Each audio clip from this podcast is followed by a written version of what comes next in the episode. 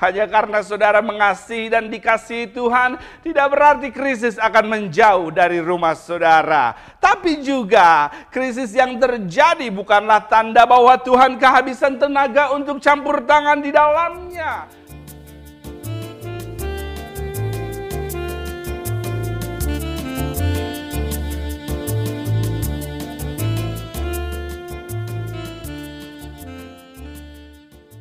Satu gereja bagi para pecandu dan para gangster termasuk juga prostitusi.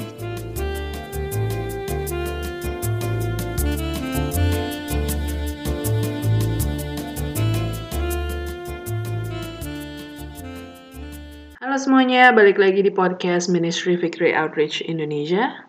Ini merupakan cuplikan dari khotbah Pastor Jeffrey Mukalu minggu ini. Selamat mendengar.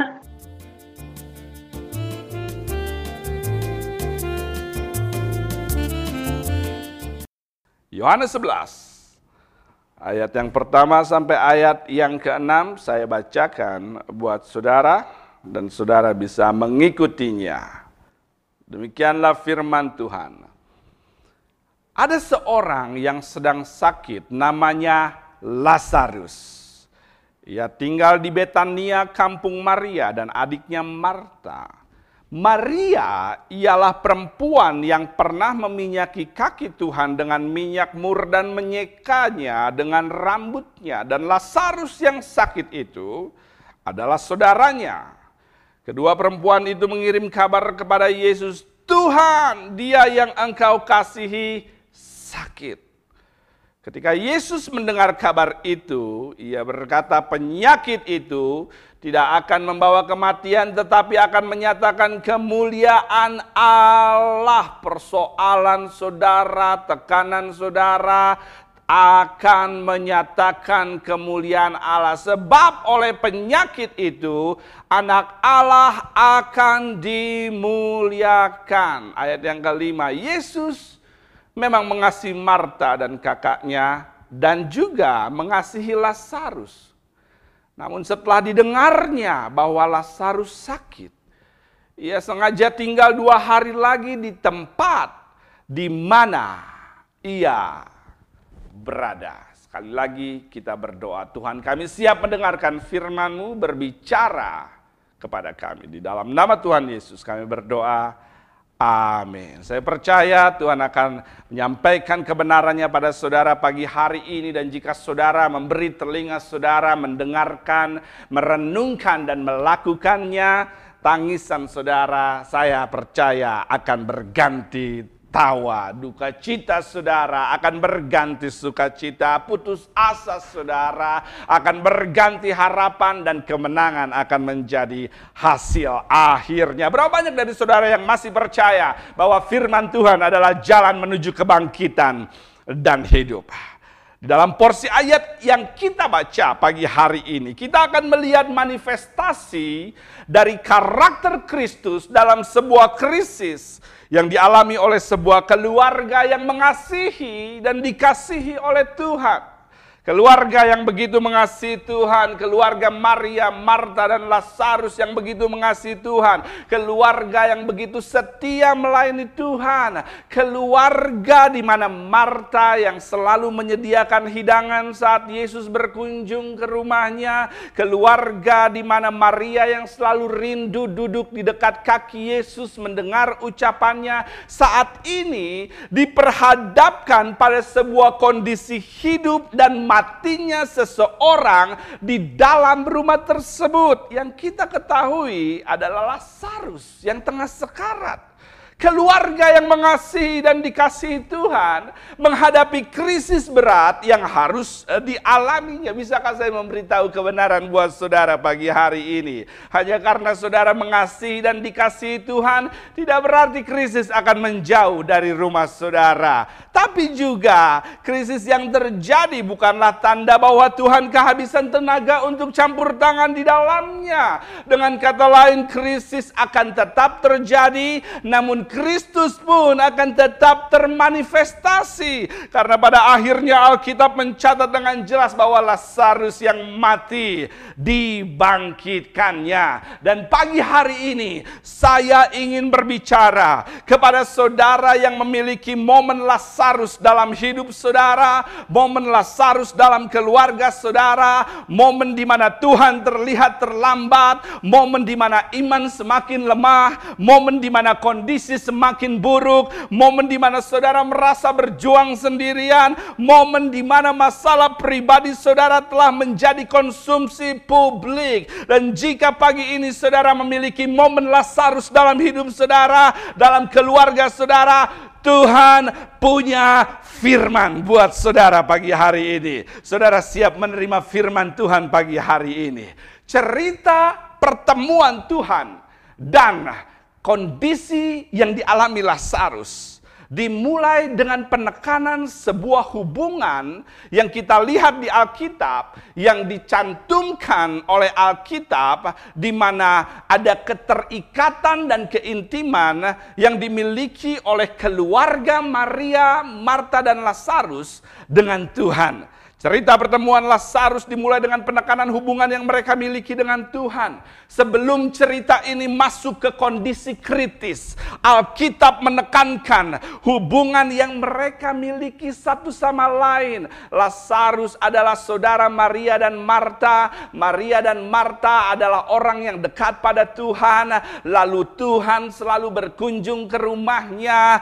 Kita bisa melihat Maria, Marta dan Lazarus adalah pribadi-pribadi yang memiliki hubungan akrab dengan Tuhan. Rumah kediaman mereka adalah rumah yang selalu dikunjungi oleh Tuhan setiap kali Tuhan berkunjung ke Betania. Makan bersama Tuhan, bersekutu bersama Tuhan adalah hal yang telah menunjukkan kedekatan mereka dengan Tuhan. Tidak heran di permulaan cerita ini Marta mengatakan kepada Yesus bahwa Lazarus yang engkau kasihi. Lazarus yang engkau kasihi sedang sekarat. Marta mengetahui bahwa Lazarus memiliki hubungan dengan Tuhan sehingga dia berani mengatakan bahwa Lazarus yang engkau kasihi. Marta yakin betul bahwa Lazarus dikasihi dikasihi oleh Tuhan dan saudara tahu bahwa kasih adalah bagian utama terciptanya hubungan yang sehat.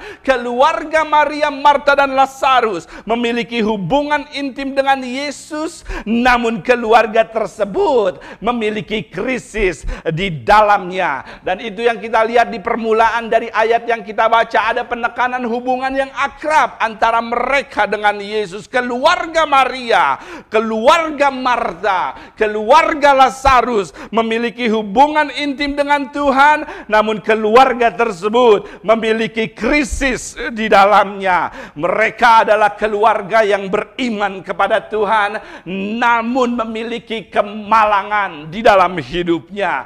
Dengar saya baik-baik gereja Tuhan, krisis yang terjadi tidak menunjukkan bahwa saudara tidak punya iman atau saudara tidak punya hubungan dengan Yesus. Namun krisis krisis yang terjadi telah menyediakan kesempatan untuk iman saudara naik di level yang lebih tinggi. Bukankah lewat krisis yang dilalui Ayub, dia mengatakan bahwa pengenalan saya kepada Tuhan lebih intim dulu sebelum krisis saya mengenal Tuhan hanya dari kata orang, namun setelah krisis saya bisa melihat sendiri keberadaan Tuhan. Bukankah Abraham mengenal Allahnya sebagai penyedia setelah melalui melalui konflik batin dalam momen mempersembahkan Ishak. Bukankah saudara semakin percaya bahwa Tuhan begitu nyata setelah tragedi yang saudara lalui tidak membuat saudara mati, tidak membuat saudara gila, dan tidak membuat saudara kelaparan. Karena krisis adalah tempat yang tepat untuk iman increase. Tidak ada hubungannya dengan iman atau tidak memiliki iman, namun krisis adalah tempat untuk iman saudara naik di level yang lebih tinggi. Mereka keluarga Maria, Marta dan Lazarus memiliki hubungan dengan Tuhan. Tidak heran ketika keluarga mereka dalam kondisi penuh krisis. Mereka tidak ragu untuk datang kepada Tuhan yang mengenal dan dikenal mereka untuk meminta pertolongan kepadanya. Maksud saya, bukankah saudara akan berpikir dua kali untuk meminta bantuan kepada seseorang yang saudara tidak kenal? Tapi ini adalah fakta yang menyedihkan. Banyak orang datang pada Tuhan dan meminta pertolongannya, namun tidak memiliki hubungan dengannya. Banyak orang datang pada Tuhan hanya ketika masalah datang. Banyak orang mulai berdoa ketika krisis muncul. Bisakah saudara bayangkan? Saudara datang pada seseorang yang tidak saudara kenal. Saudara datang pada seseorang yang tidak pernah saudara bicara atau bertemu sebelumnya. Lalu tiba-tiba saudara minta bantuan kepada orang tersebut. Saya percaya, saya yakin kemungkinan terbesarnya orang tersebut yang saudara temui, yang saudara tidak kenal, tidak pernah bicara dengannya, akan bertanya-tanya dan akan berpikir ulang untuk membantu saudara. Karena prinsipnya, saudara hanya akan berinvestasi kepada seseorang yang saudara percaya. Come on somebody. Jadi pertanyaannya sekarang adalah, apakah saudara mengenal dan dikenal Tuhan? Apakah Tuhan percaya pada saudara? Apakah Tuhan ada dalam keseharian saudara? Karena ini prinsip yang harus kita tangkap pagi hari ini dari cerita yang kita lihat sama-sama di Alkitab. Muzizat dimulai dari sebuah hubungan. Oleh karenanya jangan cari muzizatnya, tapi cari keintiman dengannya. Karena keintiman dengan Tuhan adalah jalan menuju muzizatnya. Tidak heran Alkitab mengatakan, jika kamu tinggal di dalam aku dan firmanku tinggal di dalam kamu. Jika kita memiliki keintiman, mintalah apa saja yang kamu kehendaki dan kamu akan menerimanya. Jangan cari tangannya, cari wajah wajahnya. Jangan cari muzizatnya, cari keintimannya. Karena keintiman akan menjawab dan membawa saudara kepada muzizatnya. Dan setelah penekanan antara hubungan mereka dengan Tuhan yang telah dinyatakan di permulaan cerita ini, maka Alkitab melanjutkan di ayat yang ketiga, Maria dan Marta mendatangi Yesus dan mengirim pesan kepadanya, Yesus, Lazarus yang engkau kasihi sakit. Yesus, pribadi yang akrab denganmu sakit. Datang ke rumah dan sembuhkan dia yang engkau kasihi. Bahkan Alkitab kembali menekankan hubungan yang mereka punya di ayat yang kelima dengan mengatakan bahwa Yesus memang mengasihi mereka semua. Yesus sangat mengasihi Maria, Marta, dan Lazarus. Namun setelah didengarnya kabar tersebut, Alkitab mencatat di ayat yang keenam, Yesus sengaja tinggal dua hari lagi di tempat dia berada saat itu. Ayat yang kelima, Yesus Yesus memang memiliki hubungan dengan mereka. Yesus memang mengasihi mereka. Namun ayat yang keenam, Yesus tidak datang ke rumah mereka. Ayat yang kelima, Yesus memang mengasihi mereka, namun ayat yang keenam, Yesus tidak datang ke rumah mereka. Yesus mengasihi Lazarus, tapi dibiarkannya Lazarus tetap sakit. Yesus memang mengasihi saudara, tapi dia tidak datang untuk menolong saudara. Apa yang akan saudara lakukan jika saudara tahu bahwa Yesus mengasihi saudara, Yesus peduli pada saudara, tapi ternyata sakit saudara tidak disembuhkannya. Apa yang akan saudara lakukan jika mengetahui bahwa Yesus mengasihi saudara, tapi usaha saudara tidak mengalami peningkatan, justru terlihat semakin menurun. Dia mengasihi saudara, tapi pernikahan, keluarga, anak dibiarkannya konflik dan berantakan. Ayat yang kelima, Yesus memang mengasihi mereka, tapi ayat yang ke keenam Yesus sengaja tinggal dua hari dan tidak menemui mereka. Maksud saya, saya pikir Tuhan mengasihi saya. Tapi kenapa saya sudah beriman? Tapi kenapa? Dengar baik-baik gereja Tuhan. Percaya kepada Tuhan. Beriman kepada Tuhan. Tidak berarti saudara bisa mengendalikan hasilnya. Karena saudara harus mengerti pagi hari ini. Tuhan bertugas penuh untuk memberikan hasil. Dan saudara bertugas penuh untuk melalui prosesnya. Maksud saya semakin saudara berusaha mengontrol hasil yang adalah tugas penuh Tuhan, maka saudara akan semakin frustrasi dalam prosesnya. Come on somebody. Karena iman yang sejati adalah percaya bahwa Tuhan bisa melakukan apa saja yang saya mau, namun juga percaya bahwa dia tidak harus melakukan semua yang saya mau. Come on. Iman yang sebenarnya tidak dibuktikan dengan hadirnya pertolongan Tuhan, namun dibuktikan oleh kepercayaan yang tidak luntur walaupun pertolongan Tuhan tidak datang. Iman yang sebenarnya adalah tetap bersabar dan tetap percaya terhadap misteri yang ada dalam kehidupan kita. Karena kasih Tuhan tidak bisa diukur dengan hadirnya mukjizat. Kasih Tuhan tidak bisa diukur dengan berubahnya situasi. Kasih Tuhan tidak bisa diukur dengan indahnya pernikahan. Kasih Tuhan tidak bisa diukur dengan usaha lancar atau penyakit sembuh. Karena jika ukurannya dari kasih Tuhan adalah sembuhnya sakit saudara, maka tentu Tuhan bisa diukur tidak mengasihi mereka yang tidak sembuh. Jika ukurannya kasih Tuhan adalah uang banyak, maka tentu Tuhan tidak mengasihi mereka yang kekurangan uang. Jika ukuran dari kasih Tuhan adalah mukjizat, maka tentu mereka yang tidak mengalami mukjizat kita bisa katakan tidak dikasih Tuhan. Lalu apa ukuran kasih Tuhan? Ukuran kasih Tuhan bagi semua orang, bagi dunia secara universal.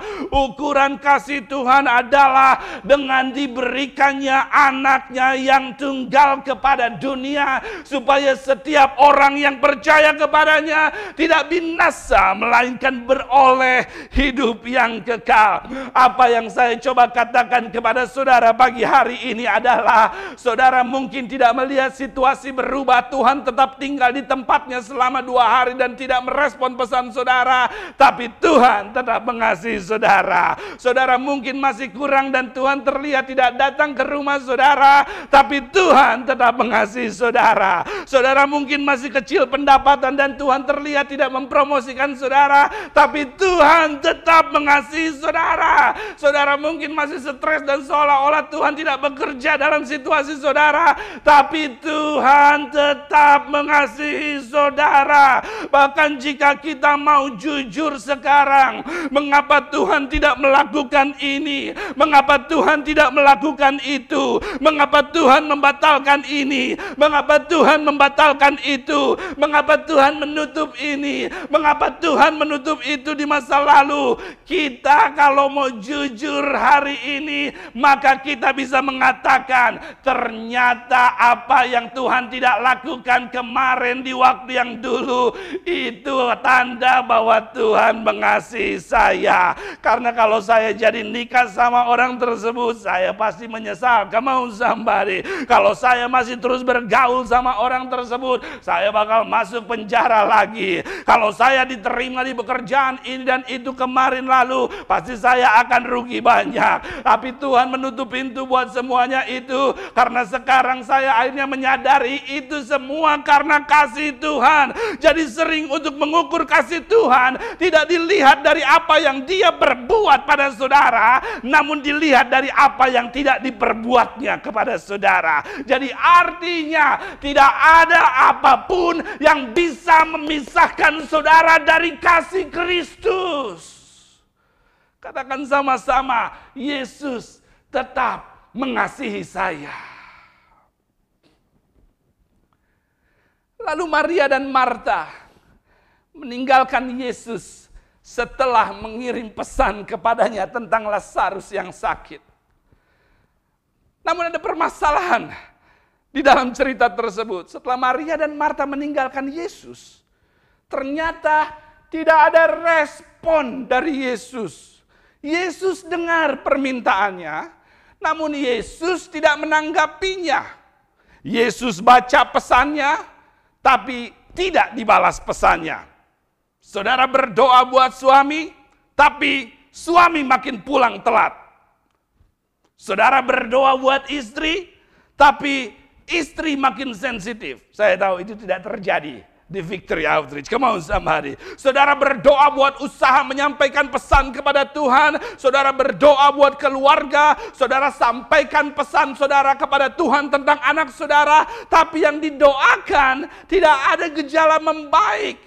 Yesus dengar permintaan Maria dan Marta, namun Yesus tidak menanggapinya. Dia tidak membalas pesannya, karena Alkitab mencatat Yesus setelah mendengarnya, dia sengaja tinggal dua hari di tempat dia berada. Saudara menyampaikan pesan kepada Tuhan, tapi rasanya pesan saudara tidak didengar dan dibacanya. Pernahkah saudara menulis pesan? Pesan lewat WhatsApp mungkin untuk seseorang, lalu orang yang menerima pesan saudara mulai melihat handphonenya, lalu dibacanya pesan tersebut, tapi tidak dibalasnya. Pernahkah saudara mengalami hal tersebut? Checklist biru dua, tapi tidak ada jawaban dari orang yang saudara kirim pesan. Rasanya saudara ingin langsung Delkon orang tersebut. Kamu somebody. Rasanya saudara ingin langsung datangi orang. Kenapa kamu nggak balas pesan saya?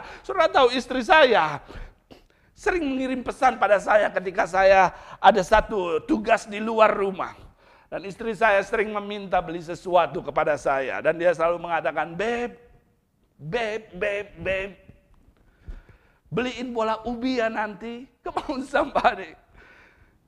Dan kalau sudah diawali panggilan sayang, Beb, Hani, saudara harus siap-siap untuk bekerja ekstra. Kemau sama nih. Beb, pulangnya beliin pecel lele ya. Saya buka pesannya, tapi saya tidak balas karena saya sedang mengerjakan sesuatu dan harus menyelesaikannya. Tapi saya dapat pesannya. Dan saya selesaikan dulu apa yang harus saya selesaikan namun pesan tersebut sudah saya baca, namun saya tidak balas dan saya simpan di memori saya dan saya akan segera memprosesnya jika kerjaan saya selesai. Jadi waktu saya sudah memprosesnya, walaupun saya tidak membalas pesan dari istri saya, saya pulanglah ke rumah. Lalu pintu dibuka oleh anak saya, kemau sambali. Istri saya cemberut, mukanya kayak lemon juice dan pura-pura tidur. Karena merasa pesan saya tidak dires, pesan dia tidak diresponi. Dia merasa bahwa pesan yang dia sampaikan tidak diresponi oleh saya. Lalu akhirnya saya coba bangunkan dia. Ke lalu akhirnya setelah dia bangun dengan wajah cemberut, saya tunjukkan bola ubinya. Ke ini bola ubinya. Sudah tahu apa yang terjadi? Tiba-tiba matanya terbuka. Matanya tiba-tiba melotot, Wajahnya mulai bersinar, bola ubi disambarnya, dan melupakan siapa yang membawanya. Saya khawatir berkat yang Tuhan berikan kepada kita menjadi lebih penting dari yang memberikannya. Kamu samari. Tapi apakah tidak adanya tanggapan dari saya atas pesan istri saya menunjukkan saya tidak peduli? Apakah diamnya saya menunjukkan saya tidak memperhatikan pesan dia? Tidak sama sekali. Saya diam karena saya sedang mengatur dan memproses agar semuanya apa yang tengah saya lakukan bisa dipenuhi dan pesan dari istri saya pun bisa dipenuhi. Saudara mungkin merasa Tuhan diam setelah saudara berdoa. Saudara mungkin merasa Tuhan baca pesan saudara tapi tidak dibalasnya. Saudara mungkin merasa Tuhan tidak peka, Tuhan tidak tanggap, Tuhan tidak ikut kebetannya saudara. Saudara mungkin merasa pesan saudara dibaca namun tidak direspon oleh Tuhan. Tapi ini kabar baiknya buat saudara. Diamnya Tuhan bukan berarti dia acuh. Diamnya Tuhan bukan berarti dia cuek. Tapi diamnya Tuhan karena dia sedang sedang bekerja dalam segala sesuatu untuk mendatangkan kebaikan bagi saudara. Dan ketika dia ingin memberkati saudara, dia tidak perlu memberikan gejala-gejalanya. Dia tidak perlu menunjukkan tanda-tandanya. Dia tidak perlu memberi alarm bahwa hari ini, besok atau lusa paket akan dikirim. Karena diamnya Tuhan hanyalah tanda bahwa permintaan saudara sedang diprosesnya. Come somebody. Oleh karenanya untuk saudara yang merasa pesan saudara tidak dibaca Tuhan. Bersyukurlah dalam masa penantian saudara.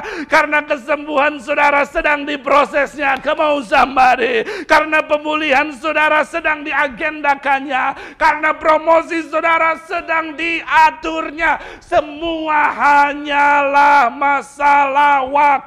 Bisakah saya buktikan pada saudara lewat firman yang kita lihat sama-sama. Ketika Yesus terlihat tidak menanggapi permintaan Maria dan Marta. Dan membuat Maria dan Marta pulang ke rumahnya tanpa respon. Yang terjadi kemudian jika saudara membaca ayat lanjutannya. Setelah Maria dan Marta kembali ke Betania. Yang terjadi adalah Yesus bercakap-cakap dengan muridnya. Di mana dalam percakapan tersebut Yesus mengatakan sebuah rencana untuk membangkitkan Lazarus. Kemau sambare. Maria dan Marta setelah kembali lagi ke Betania dengan tangan kosong, dengan putus harapan karena melihat Yesus diam, tidak menyadari bahwa ketidakhadiran Yesus di masalah mereka tidak berarti tidak hadirnya kuasa Tuhan untuk masalah mereka. Karena ketika Marta dan Maria merasa Yesus diam, justru yang terjadi Yesus sedang bekerja mengagendakan jawaban untuk pergi ke Betania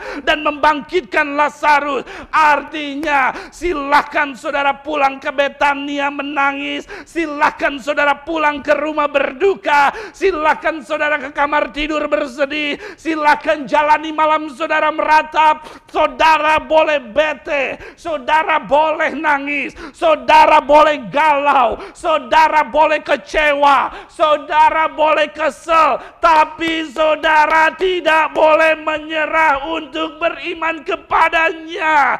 Jangan izinkan yang saudara rasa merubah apa yang saudara percaya. Karena perasaan tidak nyaman saudara, perasaan panik saudara, perasaan takut saudara sama sekali tidak ada hubungannya dengan kuasa Tuhan. Dengan kata lain, tetap bersabar dan tetap percaya fire Trust God, don't rush God. Dia mungkin tidak datang di waktu yang saudara mau, tapi dia akan tetap datang untuk apa yang saudara percaya. Oleh karenanya, jangan izinkan waktu penantian saudara melemahkan pengharapan saudara. Jika dia tidak datang di jam pertama, tetap percaya jemaat Tuhan. Jika dia tidak datang di hari pertama, tetap berdoa gereja Tuhan. Jika dia tidak datang di hari kedua, tetap jujur dalam berusaha. Jika belum ada obatnya, tetap benar di hadapan Tuhan.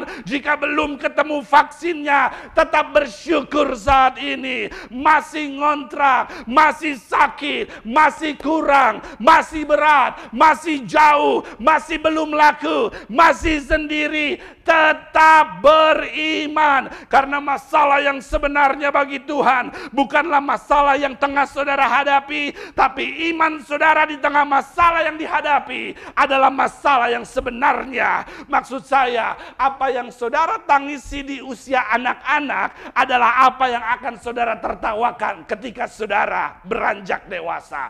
Jadi kita tahu bukanlah masalah yang jadi masalahnya, tapi kedewasaan kitalah yang menjadi masalahnya.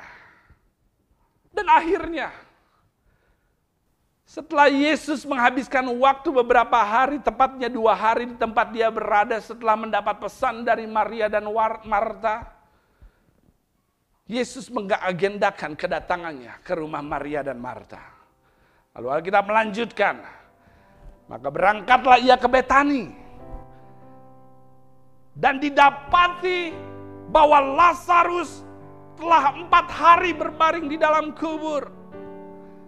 Lazarus yang sebelumnya dilaporkan sakit, sekarang sudah mati. Bukankah jika kita melihat hal tersebut, bagi kita kedatangan Tuhan ini terlihat percuma? Pertama dilaporkan sakit, namun kedatangan Tuhan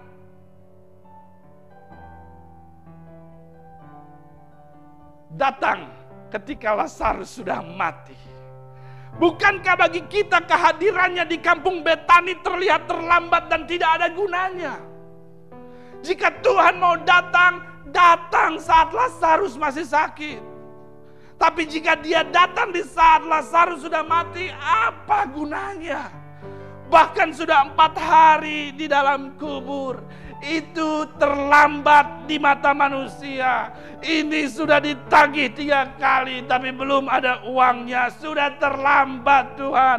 Ini sudah tidak bisa diomongin lagi. Semakin diomongin semakin sudah nggak bisa berubah. Barang ini, barang itu, sertifikat, BPKB, emas, cincin nikah. Terpaksa saya gade dan saya jual kemarin kemarin-kemarin Tuhan datang di waktu yang terlambat. Tuhan terlambat. Tuhan engkau datang terlambat. Tapi saya datang pagi hari ini untuk mengkonfrontasi apa yang terjadi dalam pikiran saudara. Ketika saudara melihat bahwa Tuhan terlambat, iblis adalah pembohong. Karena apa yang terlambat di mata manusia tidaklah terlambat di mata Tuhan. Dengan kata lain, yang hilang dalam masa penantian, yang habis dalam masa kesesakan, yang pergi dalam masa pengujian, yang habis terdampak wabah yang ada.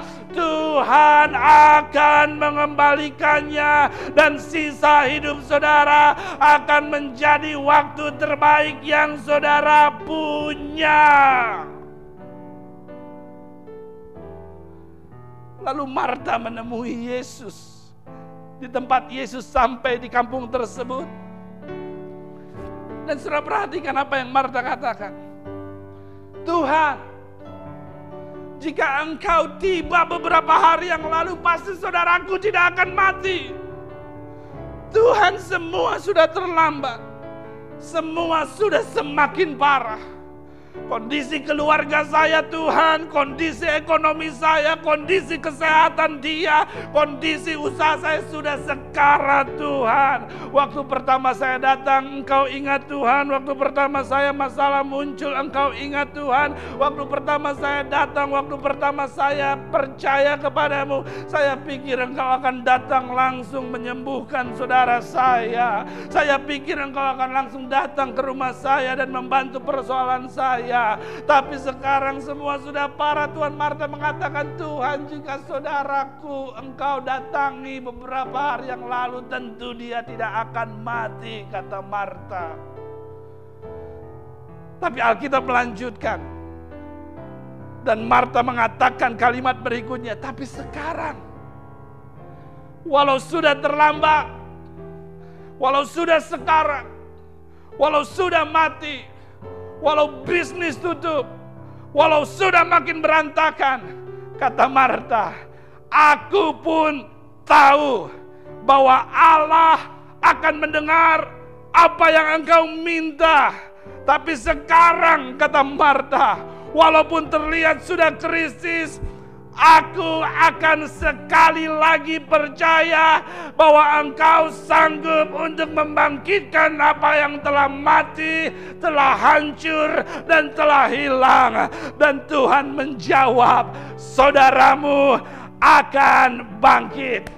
My God, saya tahu terlihat mati dan sekarat apa yang saudara alami dan terlihat Tuhan terlambat. Tapi saya menantang saudara untuk melakukan apa yang Marta dan Maria lakukan. Di mana sekali lagi saya pun tetap akan percaya. Saya menantang saudara untuk mengatakan apa yang Maria katakan. Sekali lagi saya akan tetap percaya. Sekali sekali lagi beriman, sekali lagi berdoa. Kemarin saya beriman tidak ada hasilnya dan kondisi menjadi lebih buruk, tapi sekarang sekali lagi saya akan berseru, sekali lagi saya akan tetap berlutut, sekali lagi saya akan tetap puasa. Karena iman yang tidak menyerah di saat kondisi semakin hancur akan menghasilkan mukjizat saat ini. Kemau somebody. Karena situasi boleh terlihat terlambat, tapi tidak ada kata terlambat untuk beriman sekali lagi. Karena Alkitab melanjutkan, Yesus akhirnya ditunjukkan tempat di mana Lazarus dikuburnya dan ketika dia sampai di dalam kubur Lazarus, di luar kubur Lazarus, di tempat Lazarus dikuburkan, Alkitab mencatat Yesus dengan suara keras memanggilnya keluar dari kubur. Lazarus, keluar dari kuburmu. Bisakah saudara mendengar sesuatu pagi ini? Dengar saudara baik-baik. Bisakah saudara mendengar sesuatu pagi hari ini? Usaha yang mati bangkit. Pernikahan yang sekarat bangkit. Bisakah saudara dengar sesuatu pagi hari ini? Shalom, keluar dari masa lalumu. Kemau somebody, Daddy, keluar dari masa lalumu.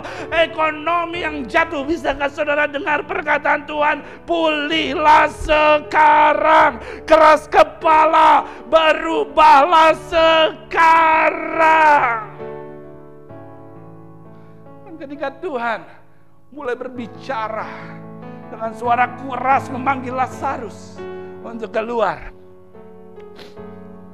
Semua yang ada di luar kubur Maria, Marta, murid-muridnya tidak melihat apa-apa. Tapi dengar baik-baik jemaat Tuhan, dengar baik-baik.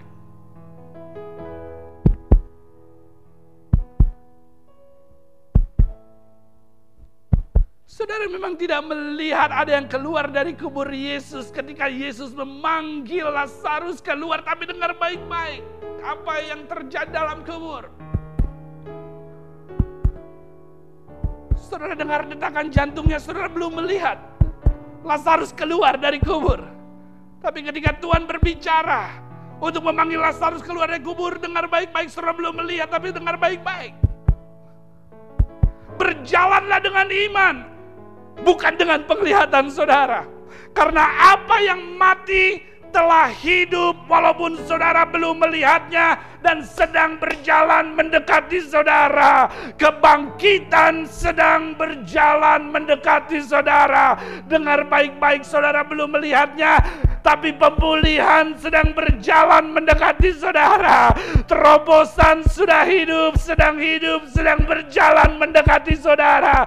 Kesembuhan sedang berjalan mendekati saudara. Saudara belum melihatnya, tapi saudara dengar baik-baik. Berjalanlah dengan iman bukan dengan penglihatan. Dengar baik-baik bahwa apa yang keluar dari firman-Nya telah membuat apa yang mati telah hidup kembali. Saudara belum melihatnya, tapi berjalanlah dengan iman. Apakah ada orang yang bersama saya mau percaya sekali lagi bahwa apa yang terlihat tidak mungkin bagi saya, mungkin bagi Tuhan. Tetap percaya, tetap sabar, trust God, don't trust God. Karena keajaiban telah Tuhan proses untuk masuk ke dalam rumah saudara. Seseorang katakan, saya akan percaya sekali lagi. Saya tetap percaya.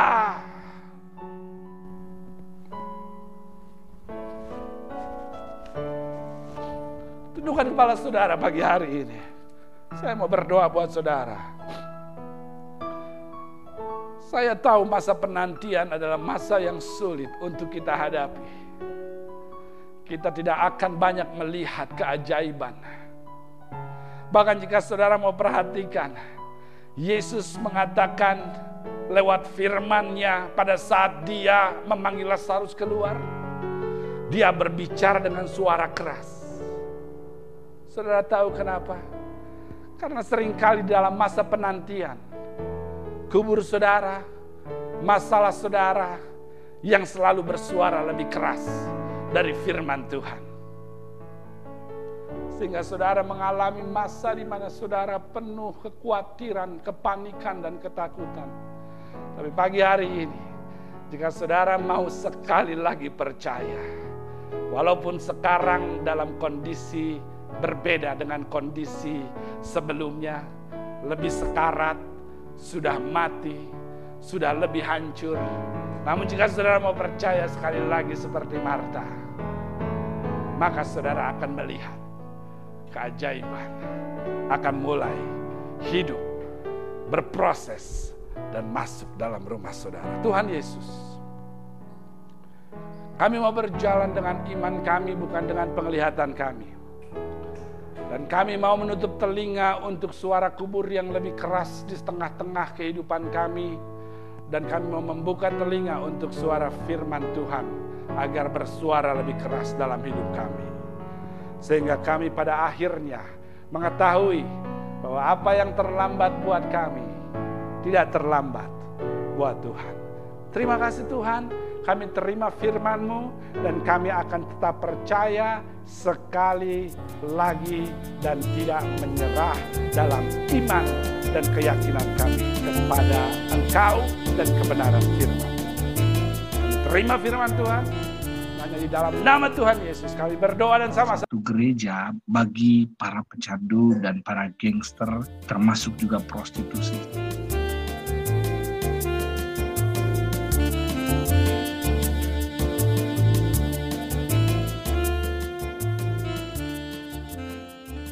Halo semuanya, balik lagi di podcast Ministry Victory Outreach Indonesia. Ini merupakan cuplikan dari khotbah Pastor Jeffrey Mukalu minggu ini. Selamat mendengar.